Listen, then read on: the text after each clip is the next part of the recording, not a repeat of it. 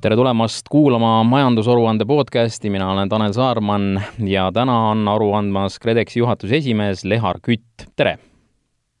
tere! no äh, KredEx koos Töötukassa Maaelu Edendamise Sihtasutusega on need peamised kolm vaala, äh, millel baseerub siis äh, Eesti riigi tugi meie majandusele ja ettevõtetele Äh, töötukassa meede on äh, mõnda aega juba käigus olnud, KredExil on läinud äh, veidi enamast aega, aga, aga kõigest sellest me Lehar Kütiga ka rääkima hakkame. esmalt küsiks seda, et kui me nüüd läheme tagasi aega, kui KredEx sai teada, mida neilt oodatakse seoses selle ootamatu kriisiga, milline oli siis see Äh, taustsüsteem ja vaade, sest äh, omajagu on neid meetmeid muudetud, et, et kirjeldage natukene seda olukorda, mis siis äh, valitses, kui te, kui te saite alles selle, selle ülesande ja, ja ka teada, et mis see maht on, mida teilt oodatakse? me hakkasime kriisimeetmete väljatöötamisega tegelema märtsi alguses ja eks alguses oli seda ebamäärasust ikka oluliselt rohkem, kui seda on täna iga päevaga olukord äh, muutus ja, ja sellest tulenevalt äh, oli väga keeruline plaane teha, sest iga, iga päev tuli neid ümber korrigeerida. ka siis nende kriisimeetmete summasid me, me järk-järgult kriisi arenedes korrigeerisime ülespoole ja, ja erinevate meetmetega ka siis oleme järk-järgult välja tulnud, et kõigepealt äh, märtsi lõpus tulime esimese paketiga välja, äh, mida me siis vastavalt äh, huvigruppide tagasisidele ja, ja enda kogemustele, mida me vahepeal kogusime, täiendasime, et see nii-öelda siis teine laine nendest KredExi kriisimeetmetest jõustus seitsmendal mail. Ja tegelikult eks me kogu aeg kogume uut, uut infot, vaatame, kuidas meie meetmed töötavad, kuulame, mis huvigrupid arvavad ja sellest tulenevalt tõenäoliselt me ka tulevikus äh, üht-teist muudame oma kriisimeetmetes. no mis olid need peamised kohad, mida siin äh, muuta tuli, et, et tõepoolest see teadmine, mis oli päris alguses äh, noh, nagu te ütlesite, muutus iga päevaga, saite ka, saite ka tagasisidet, et mis need peamised kohad olid, mis kriitikat said ja mis siis, mida siis tuli hakata ümber vaatama? Äh, KredExi seisukohalt vaadates äh, oli alguses kõige suuremaks piiranguks see, et meie ressurss nende kriisimeetmete elluviimiseks oli väga piiratud. Äh, meil ei olnud eraldatud veel raha laenude väljastamiseks riigi poolt ja samuti siis meie käendusmeetmete maksimaalne suurus oli seadusega piiratud. Ehk need mõlemad probleemid vaja, vajasid lahendamiseks Riigikogu sekkumist ja Riigikogu siis vastavad otsused tegigi seal kuskil aprilli keskpaigas. et see, see ressursi pool oli kindlasti oluline piirang nii rahastamise mõttes kui ka inimressursi mõttes kindlasti, et me oleme KredExit siiani hoidnud ikkagi väga väikse ja efektiivse organisatsioonina ja nüüd äh, niimoodi päevapealt äh, mahud äh, on kasvanud kümnetes kordades. et seetõttu me alguses tulime välja jah, selliste esialgsete lahendustega, millega võiks ettevõtteid aidata Äh, need esialgsed lahendused põhinesid meie senisel praktikal. Äh, teadlikult tulime nendega kiiresti välja äh, ja, ja, ja teadlikult läksime selle peale, et tõenäoliselt nende osas huvigruppidelt väga palju tagasisidet tuleb ja, ja ka konstruktiivset kriitikat. see, see oligi meie eesmärk, et käia omalt poolt tingimused välja ja, ja siis hakata saama nendele, nendele tagasisidet selle baasilt hakata oma tingimusi täiendama. et muidu, kui me oleks hakanud kohe äh, kooskõlastamisest peale erinevate, erinevate rühmadega, siis ma arvan, et me poleks suutnud nende meetmetega nii kiiresti välja tulla no räägime ka e Euroopa Liidu äh, riigiabi reeglitest, et ka see oli üks oluline, äh, oluline selline koht, mida te ootasite ja mida alguses veel olemas ei olnud, eks ole? jaa, et esimene riigiabi reeglite pakett siis jõustus, oli vist üheksateistkümnendal märtsil. Neid muudeti omakorda aprilli alguses ja tegelikult tänaseks on neid siis jälle muudetud. et ka Euroopa Liidu riigiabi reeglite poole pealt selle kriisi arenedes ja vastavalt tagasisidele, mis on saadud on neid äh, reegleid siis äh, üldjoontes äh, ettevõtjatele soodsamas suunas korrigeeritud ja sellest tulenevalt me oleme ka siis saanud oma teenuste tingimustes mitmeid asju ettevõtjasõbralikumaks muuta. no äh, äh kui ähm, äh, veel hiljuti äh, oli juttu sellest, et KredExile veel ei ole raha üldse kohalegi jõudnud, mingid allkirjad olid selle antud, et kas nüüd on, nüüd on sellega kõik, kõik jonksus ja kõik korras? Jaa äh,, rahad äh, KredExini reaalselt riigi käest äh, jõudsid äh, möödunud nädala lõpus, aga see siis meil ei takistanud äh, olulises osas äh, käendusmeetmete elluviimist. Äh, neid äh, pakkusime juba, aga laene ettevõtjatele hakkasime tõesti välja maksma tegelikult pisut natuke varem, kui, kui raha riigilt KredExile jõudis, et kasutasime KredExi muid vahendeid nende, nende laenude väljamaksmiseks. Aga tõesti jah, kui vaadata meie statistikat, et kui palju on meile laekunud äh, laenutaotlusi ja kui palju me oleme äh, lepinguid sõlminud ja laene välja maksnud, siis seal praegu on päris suured käärid tulenevalt sellest, et me laenutaotlusi hakkasime vastu võtma aprilli algusest. otsuseid hakkasime tegema laenutaotluste osas äh, kuskil aprilli keskpaigast ja laenulepinguid hakkasime sõlmima äh, alles äh, mai algusest ja laene hakkasime välja maksma siis eelmise, eelmise nädala algusest no kui täpseks nüüd selle statistikaga äh, minna saab, et, et, et mis, mis summadest me siis erinevate nende meetmete puhul praegu rääkida saame, et palju on siis juba garantiisid antud, palju on laene antud ja, ja kõik see pool? jah, kui numbritest kokku rääkida, siis KredExilt kui siis KredExi käenduse abil taotletav laenusumma kokku on äh, muljetavaldav kolmsada kaheksakümmend miljonit eurot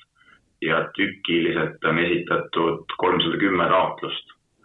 Äh, nüüd tõesti jah, kui vaadata, et kui palju me oleme nii-öelda äh, välja andnud ise laene ja kui palju meie käendusega on laene välja andnud, siis see laenusumma praeguse hetke seisuga on kuuskümmend miljonit eurot ja tükiliselt äh, sada kolmkümmend ettevõtet, aga need numbrid nüüd kasvavad iga päevaga. Ja lisaks äh, tegelikult siis tuleb silmas pidada ka seda, et, äh, et KredEx on laenude käendamisega tegelenud pikki aastaid, et meie portfellis on siis ka mitmeid selliseid ettevõtteid, kelle olemasolevad käenduslepingud on vajanud muutmist, ka, ka nendes lepingutes oleme teinud muudatusi circa kahesaja ettevõtte puhul nii et eh, need, kes, eh, kes on teid varem eh, nii-öelda abiks kasutanud ettevõtted veel, et ne, nende puhul siis saate, saate ka leevendada nende, nende neid tingimusi seal kenasti uute, uutega riigiabi reeglite ja kõige selle kontekstis? olemasolevates lepingutes me teeme muudatusi jah, koostöös pankadega käenduste puhul et äh, käenduse puhul on siis alati oluline, et need muudatused sobiks ka pangale ja, ja tihti see initsiatiiv tulebki panga ja ettevõtja omavahelisest suhtlusest mm. -hmm. ja üldjuhul, kui need muudatused on ettevõtjale soodsas suunas, siis me oleme loomulikult nendega nõus. no te kindlasti äh, vaatate pingsalt ka seda, seda poolt sellest rahast, et palju siis alles on, et meenutame ka seda, et, et mis need summad üldse, üldse nagu absoluutarvudes on ja, ja absoluutsummades ja, ja palju, palju seda siis veel järgi on, et päris seda, seda ei ole juhtunud, et kohe nüüd ühe ropsuga kõik kaob. Seda hirmu ei ole jah, et ressurss siin lähikuudel otsa saaks, et kui vaadata neid summasid, mis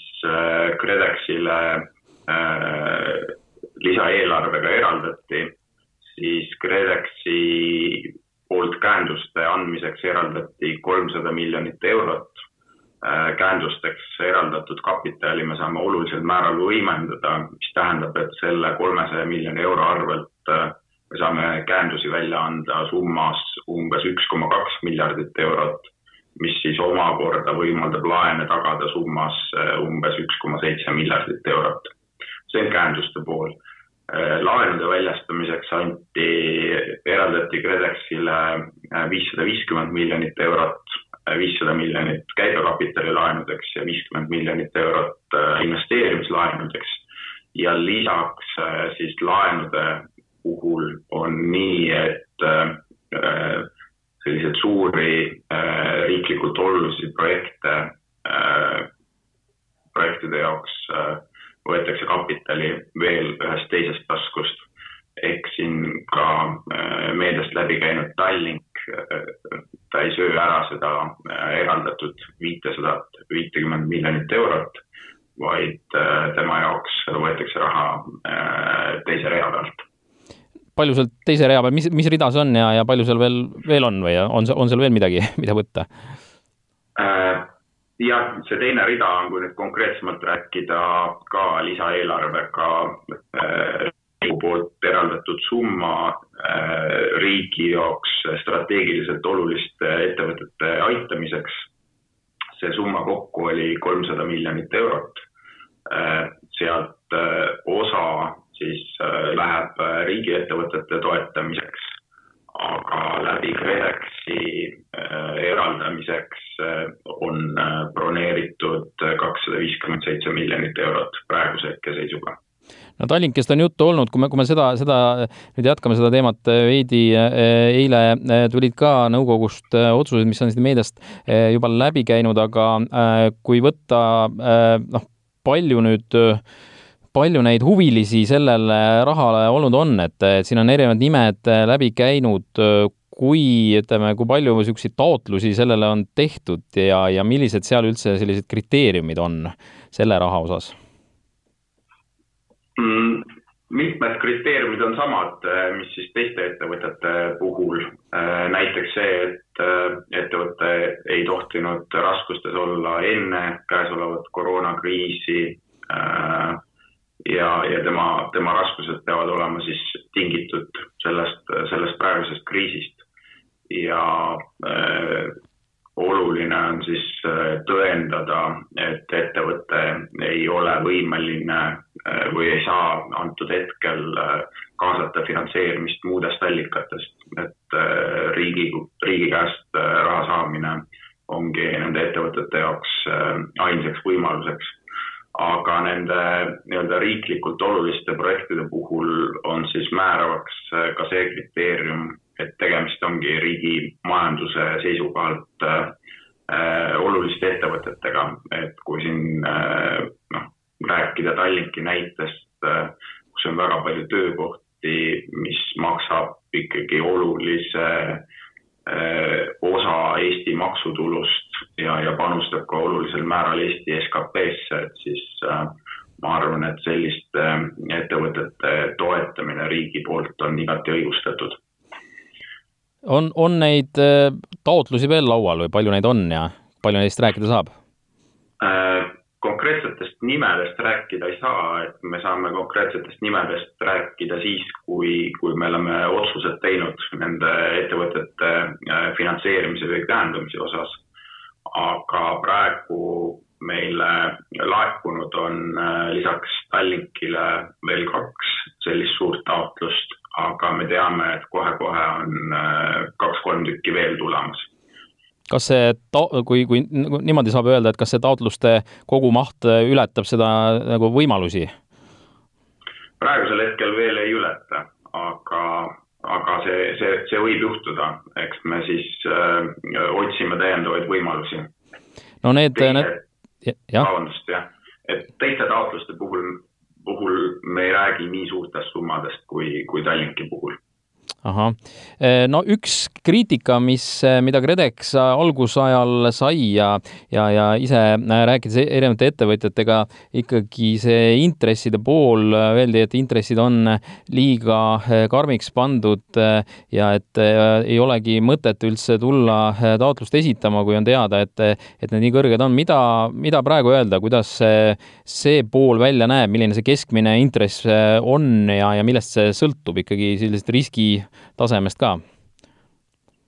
ja intressi äh, tasemete allatoomiseks me oleme välja toonud äh, kaks äh, uut teenust, mis siis jõustusid alates seitsmendast maist. üks on suunatud mikro- ja väikeettevõtetele ja teine on suunatud turismi- ja toitlustusettevõtetele, mis on, tegemist on KredExi käendusega, laenu väljastab pank aga KredEx on siis valmis seda laenu saja protsendi ulatuses tagama. ja me oleme pankadele ette kirjutanud, et nende laenude intress ei või olla üle nelja protsendi äh, aasta baasil ja lisaks sellele me oleme veel valmis äh, esimese kaheteist kuu jooksul osaliselt seda intressi ettevõtjate jaoks kompenseerima. ma arvan, et äh, see lahendus on ettevõtete jaoks väga soodne. kui nüüd rääkida meie otselaenu intressidest, äh, siis kõik on jälle selle küsimuse, et millega võrrelda. Äh, kui me vaatame neid otselaene, mida me väljastame, siis valdavalt on tegemist äh, tagamata laenudega, mille puhul tõesti meie maksimaalne intress on kuus protsenti aasta baasil ja osaliselt tagatud laenude puhul on meie intress neli protsenti aasta baasil. Äh, me võrdluseks vaatasime, milliste intressidega äh, väljastavad äh, kriisi ajal pangad meie sihtgrupile uusi laene ja see keskmine intressitase tagatud laenude puhul oli kuskil neli koma viis protsenti seal nad kasutavad ka veel meie käendust, kus siis teatud juhtudel äh, lisandub ka käendustasu. ehk seetõttu jah, oleneb, äh, millega neid intresse võrrelda, et kui me võrdleme neid intresse äh, intressitasemetega, mida võimaldati suurtele korralikele ettevõtetele enne kriisi, siis tõesti tegemist on, on kõrgete intressidega äh,. aga veel kord tahan rõhutada siis seda, et äh, on tegemist äh, kriisiajaga. Äh, need, need, kes meie poole pöörduvad, äh, nad mingil põhjusel ei ole pangast finantseerimist saanud ja veel siis väga oluline nüanss on see, et tegemist on ikkagi enamasti tagamata laenudega. no siin on lausa räägitud äh, sellest, et see intress võiks olla, noh, eriti siin väike, väike ja keskmise suurusega ettevõtjad on, on selle, selle eh, jutu, jutu taga, et, et selline üks koma viis, kaks protsenti intressi, et eh, mida neile öelda, et miks see, miks see intress nii madalale ikkagi kukkuda ei saa, kuigi tegelikult riigiabi reeglid lubaksid, lubaksid ka nagu madalamale tuua seda tuginedes äh, sellele väikeettevõtjate tagasisidele, me just tõimegi välja selle laenukäenduse mikro- ja väikeettevõtetele, kus siis äh, maksimaalne intress äh, on neli protsenti aastas, millest me esimesel aastal circa pool kompenseerime. ehk esimesel aastal see intress neile ettevõtetele saabki olema seal kuskil kahe protsendi kandis. ma arvan, et see on selline intressitase, mida mida paraku mikro- ja väikeettevõtted ka headel aegadel ei näe? no äh, siin on, kui palju te vaatate, ütleme, sektoreid er, eraldi või, või, või ütleme, et milline, millised sektorid on riskantsemad? noh, selge see, et ütleme, pangad tõepoolest just neid sektoreid, kus see, kus see kriis on olnud, mõjunud karmimalt, hotellid, restoranid, noh, neid vaatavadki ka kui riskantsemate ettevõtetena, samas teisipidi võttes on nad aga kõige enam hädas, et, et see on kuidagi selline nagu tupiktee. aga, aga kuidas, kuidas KredEx, KredEx nii-öelda lahterdab seda riskantsust, on teil mingid värvikoodid seal, et, et kes on punane, kes on roheline, kes on kollane? Me väga ei erista ettevõtteid tulenevalt nende tegevusaladest ja kedagi me sellest tulenevalt ka nüüd ei ahista, et neil kriisis kehvasti läheb. eelkõige me siis äh, enda krediidiotsuste tegemisel lähtume sellest, et kuidas ettevõttel läks enne kriisi. Äh, arusaadavalt äh, praegu on väga raske prognoosida, et kuidas ettevõtetel võiks minema hakata järgnevatel kuudel, järgnevatel aastatel. seetõttu me vaatamegi seda, et kuidas ettevõttel läks enne kriisi et kui ta oleks äh, enne kriisi äh, olevate finantsnäitajate baasilt võimeline võetavaid kohustusi teenindama, siis me usume, et ta on võimeline seda ka peale kriisi. Sellest tulenevalt me jah, selliseid äh, sektorite lõikes väga erisusi ei tee. küll positiivses mõttes on erandiks siis äh, turismi- ja toitlustusettevõtted, kellele me oleme välja toonud spetsiaalse käendusmeetme ja, ja sarnastel tingimustel käendusmeede on siis tegelikult ka mikro- ja väikeettevõtetele. kui teiste ettevõtete laene me käendame kuni üheksakümne protsendi ulatuses, siis äh, turismi- ja toitlustusettevõtetel ning mikro- ja väikeettevõtetel on KredExi käendus äh, sada protsenti laenust äh, kui palju üldse KredEx vaatab seda, mida teevad meie naabrid, teised riigid, sest lõppkokkuvõttes on ju väga oluline, et need meetmed oleksid noh, ei, ei ahistaks meie ettevõtjaid selles mõttes ka, et, et nad oleksid kuidagi teiste riikide ettevõtetega võrreldes kehvemas seisus, sest noh, laenu võtmine tähendab ikkagi sellist mõju nagu pikkadeks aastateks, et, et, et mida teised riigid siin pakuvad või, või kuidas nad erine, erinevad erinevad meist? jah, hoiame ikka silma peal, mida teised riigid teevad ja eelkõige, mida meie naabrid teevad. alustuseks muidugi kõik Euroopa Liidu riigid peavad lähtuma riigiabi reegliteks, reeglitest, see alus on kõigile ühtne. aga eks sealt on võimalik siis eh, edasi minna natuke erinevalt. et siin eh, ka ajakirjanduses ja, ja ka siis mitmete, mitmete huvigruppide poolt on äh, välja toodud erinevaid võrdlusi, et kuidas on Eesti kriisimeetmed võrreldes teiste riikide omadega. Nende võrdluste puhul tihti küll on see äh, nüanss, et, äh,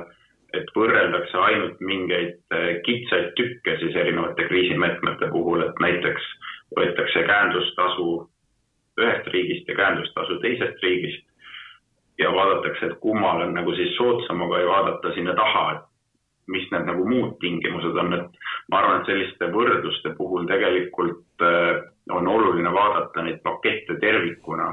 mitte niivõrd üksikuid näitajaid, et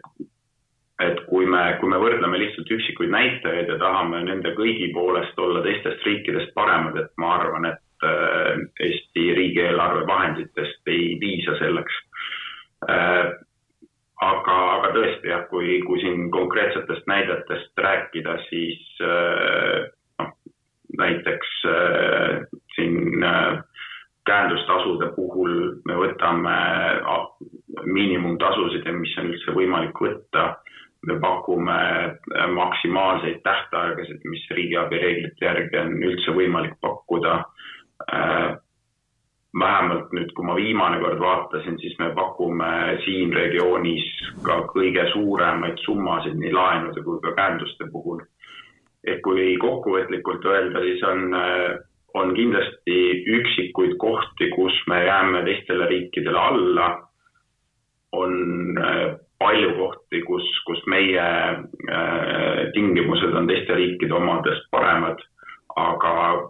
kui vaadata nüüd seda meie meetmete paketti terviklikult, siis ma arvan, et meil naabritega võrreldes midagi häbeneda küll ei ole võib-olla peaksin veidi sellele riigiabi reeglitele ja, ja kuna need on ka muutunud,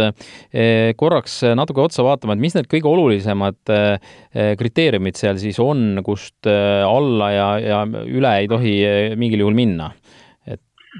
Jah, kõige olulisem muudatus vast meie jaoks on see, et kui nii-öelda äh, tavapärasel ajal äh, KredExi käendus võib olla kuni kaheksakümmend protsenti äh, panga poolt väljastatavast laenust, siis praeguste ajutiste riigiabi reeglite kohaselt me osadel juhtudel võime käendada kuni sada protsenti panga poolt väljastatavast laenust teine selline oluline muudatus on see, et äh, siis tavapärasel ajal äh, ei ole võimalik KredExi käendust lisada juba väljastatud laenudele.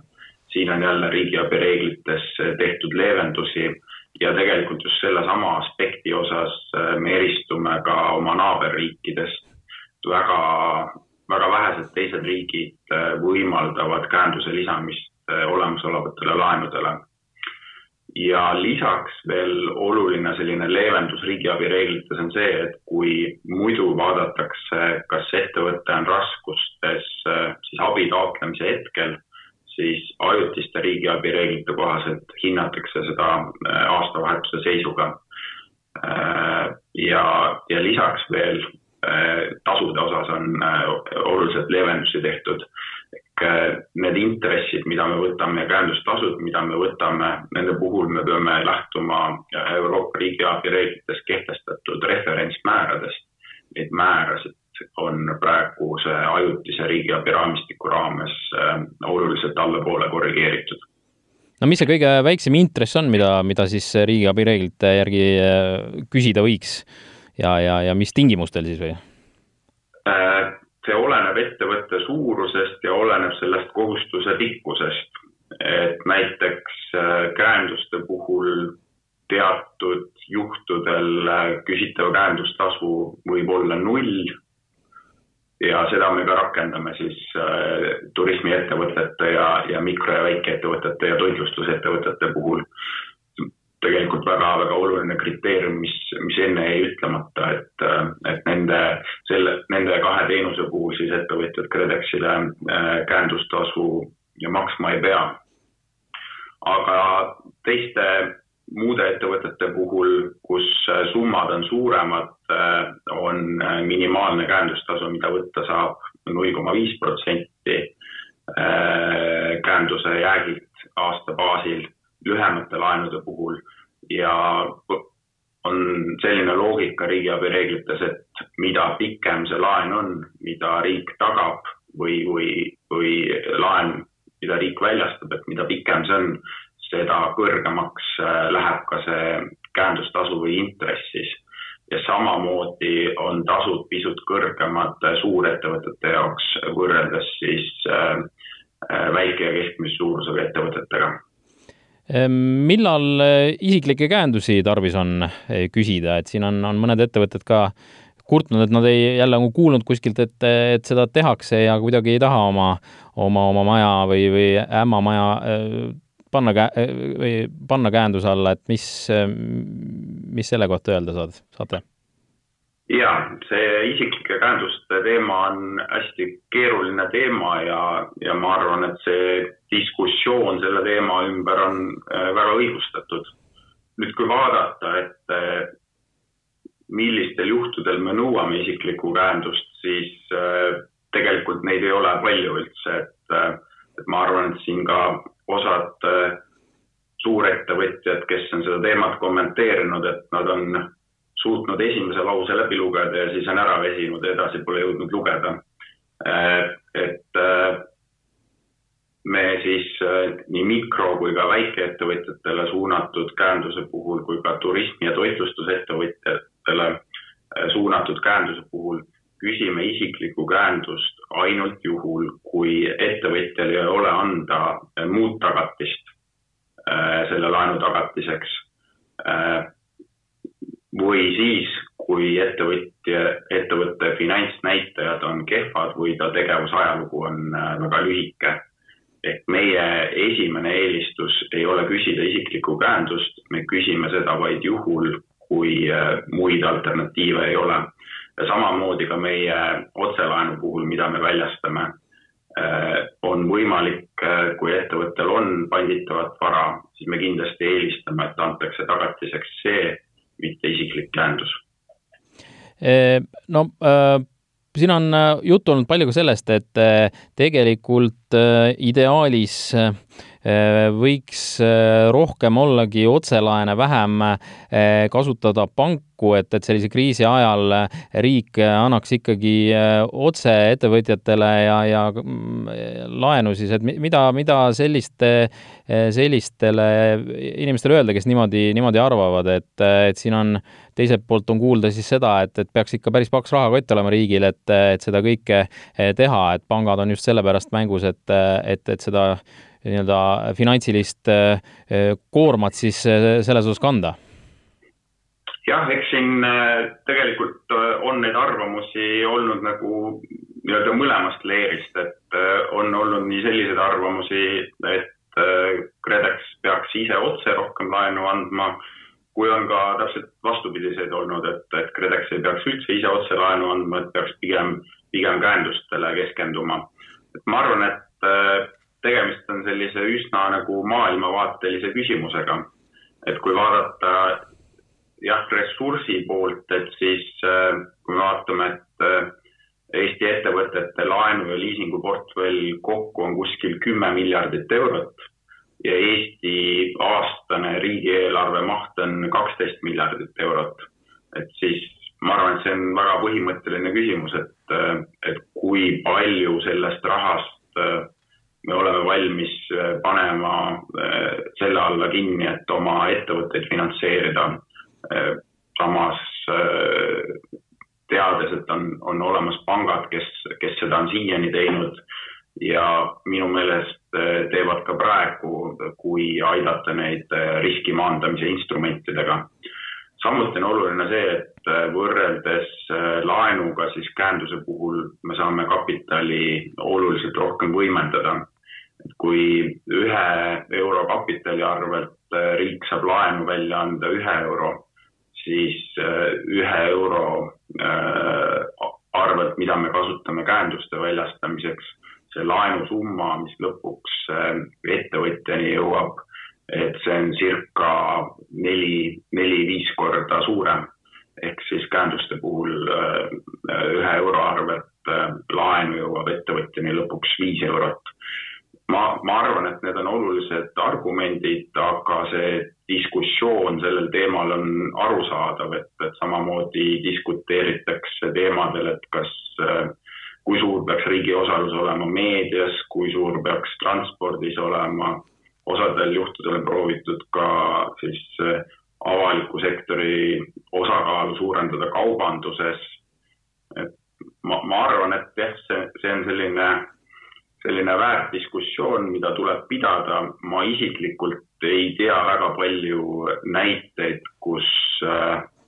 kus riik oleks saanud äh, erasektori asendamisel paremini hakkama kui erasektor ise. no kas siin on, on mingi lootus siis, et äh, järelikult, et see, kui pangad mängust välja jätta, siis kogu need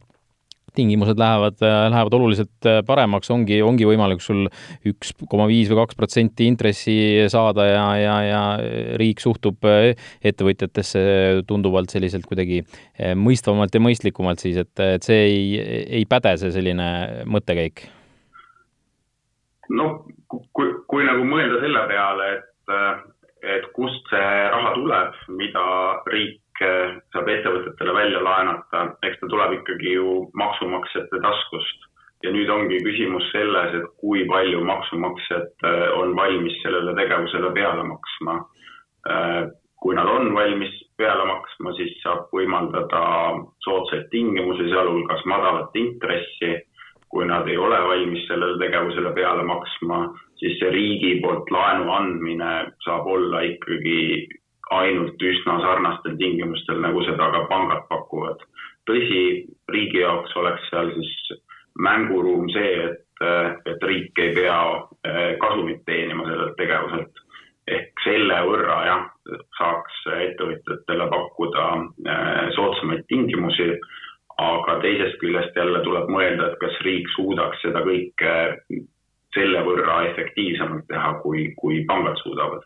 ma tean, et ettevõtjate nägemus on see, et, et ka nemad on need maksumaksjad olnud ja, ja nüüd äh, laenatakse neile see raha nagu suure, suure intressiga tagasi, et, et see vaade on, on, on ka seda, sellepidine, eks ole tõsi, äh, loomulikult, äh, kui äh, ettevõtjaid ei oleks, siis ju ei oleks ka maksumaksjaid, et tööd inimestele ikkagi annavad ettevõtted ja, ja kõik, mida riik saab teha, on tänu ettevõtlusele, see on tõsi kas, kas KredExil on mingi nägemus sellest, et, et, et kauaks nüüd seda raha, mis, mis teile on eraldatud eh, ja mida te nüüd nende meetmetega eh, ka laiali jagate, eh, kauaks seda võiks jätkuda, saab seda üldse prognoosida kuidagi, et, et kas, kas, kas on mingisugune selline nägemus, on, on see mingi sügiseni, on see, on see, on see juba suve lõpus kuidagi peab, peab mingi järgmise otsuse tegema või, või millal see piir võib kätte jõuda? Praegusel hetkel on seda väga raske prognoosida, tegelikult me oleme KredExi kriisimeetmete rakendamisega alles alguses. Ja kui vaadata ka sellist äh, pöördumiste arvu nii pankade poole kui ka KredExi poole, siis äh, esimese hooga pöördusid äh, sellised ettevõtted, kellel endal võib-olla väga suuri puhvreid ei olnud. Äh, nendele pakuti leevendust. praegu tegelikult olukord on natuke rahunenud, kuid äh, tõenäoliselt äh, varsti see pöördumiste arv hakkab jälle kasvama, kui, kui pankade ja ka KredExi poole hakkavad pöörduma need ettevõtted, kellel oli endal mõningal määral reserve ja need reservid hakkavad otsa saama. lisaks tuleb tegelikult veel seda silmas pidada, et kuigi meditsiiniline kriis on kestnud juba äh, pea kaks kuud üle kahe kuu lausa, et siis äh, majandus äh, veel väga tugevalt see kriis ei ole jõudnud, see kriis alles hakkab majandusse jõudma. praegu on tööhõivet üleval hoitud erinevate meetmetega, on, on muid riigi kriisiabimeetmeid, aga mingil hetkel paratamatult äh, võib tööpuudus hakata veelgi suuremas ulatuses kasvama, kui, kui see on siiani juhtunud. see kõik äh, mõjutab äh, tarbimist. samasugused arengud toimuvad meie eksporditurgudel, need hakkavad mõjutama meie eksportijaid. tuleb vaadata, mis ehituses toimub, et ehituses keegi juba töös olevaid objekte pooleli ei jäta, need tehakse lõpuni aga uusi objekte ei ole kriisi ajal enam alustatud. ehk tegelikult majandusse see kriis alles hakkab kohale jõudma no mida nüüd öelda ettevõtjatele, kes KredExi või pankade poole pöörduvad täna, et mida nad peavad arvestama, milliseid vigu vältima ja, ja kas on ka selliseid ettevõtteid, kes, kes ei peaks üldse eh, KredExi poole vaatamagi või vaeva, vaeva nägema? Äh, üks olulisemaid äh, aspekte, mida tuleb pöördumise juures silmas pidada, on see, et pöörduda võimalikult varakult, et enne, kui probleemid äh, juba päris kätte jõuavad, et siis saab rahulikult toimetada. tihtipeale tehakse see viga, et pöördutakse, kui raha oleks olnud vaja juba eile, et arusaadavalt selline olukord tekitab kõigile stressi ja, ja see ei ole kõige, kõige konstruktiivsem olukord probleemide lahendamiseks. samamoodi on oluline, et ettevõtja mõtleks oma jaoks läbi selle plaani, kuidas ta kavatseb selle kriisi üle elada, milliseid äh, siis kokkuhoiumeetmeid ta rakendab, kui kauaks talle seda raha jätkub, äh, mis ta siis äh, täiendavalt juurde saab ja nii edasi, et nii pank kui ka KredEx saame ettevõtet aidata äh, rahastamise osas, aga äh, see teadmine, et kuidas see kriis üle elada, et see, see saab olla ikkagi ainult ettevõtjal endal. ja kindlasti on siis oluline ka silmas pidada seda, et näiteks siis KredEx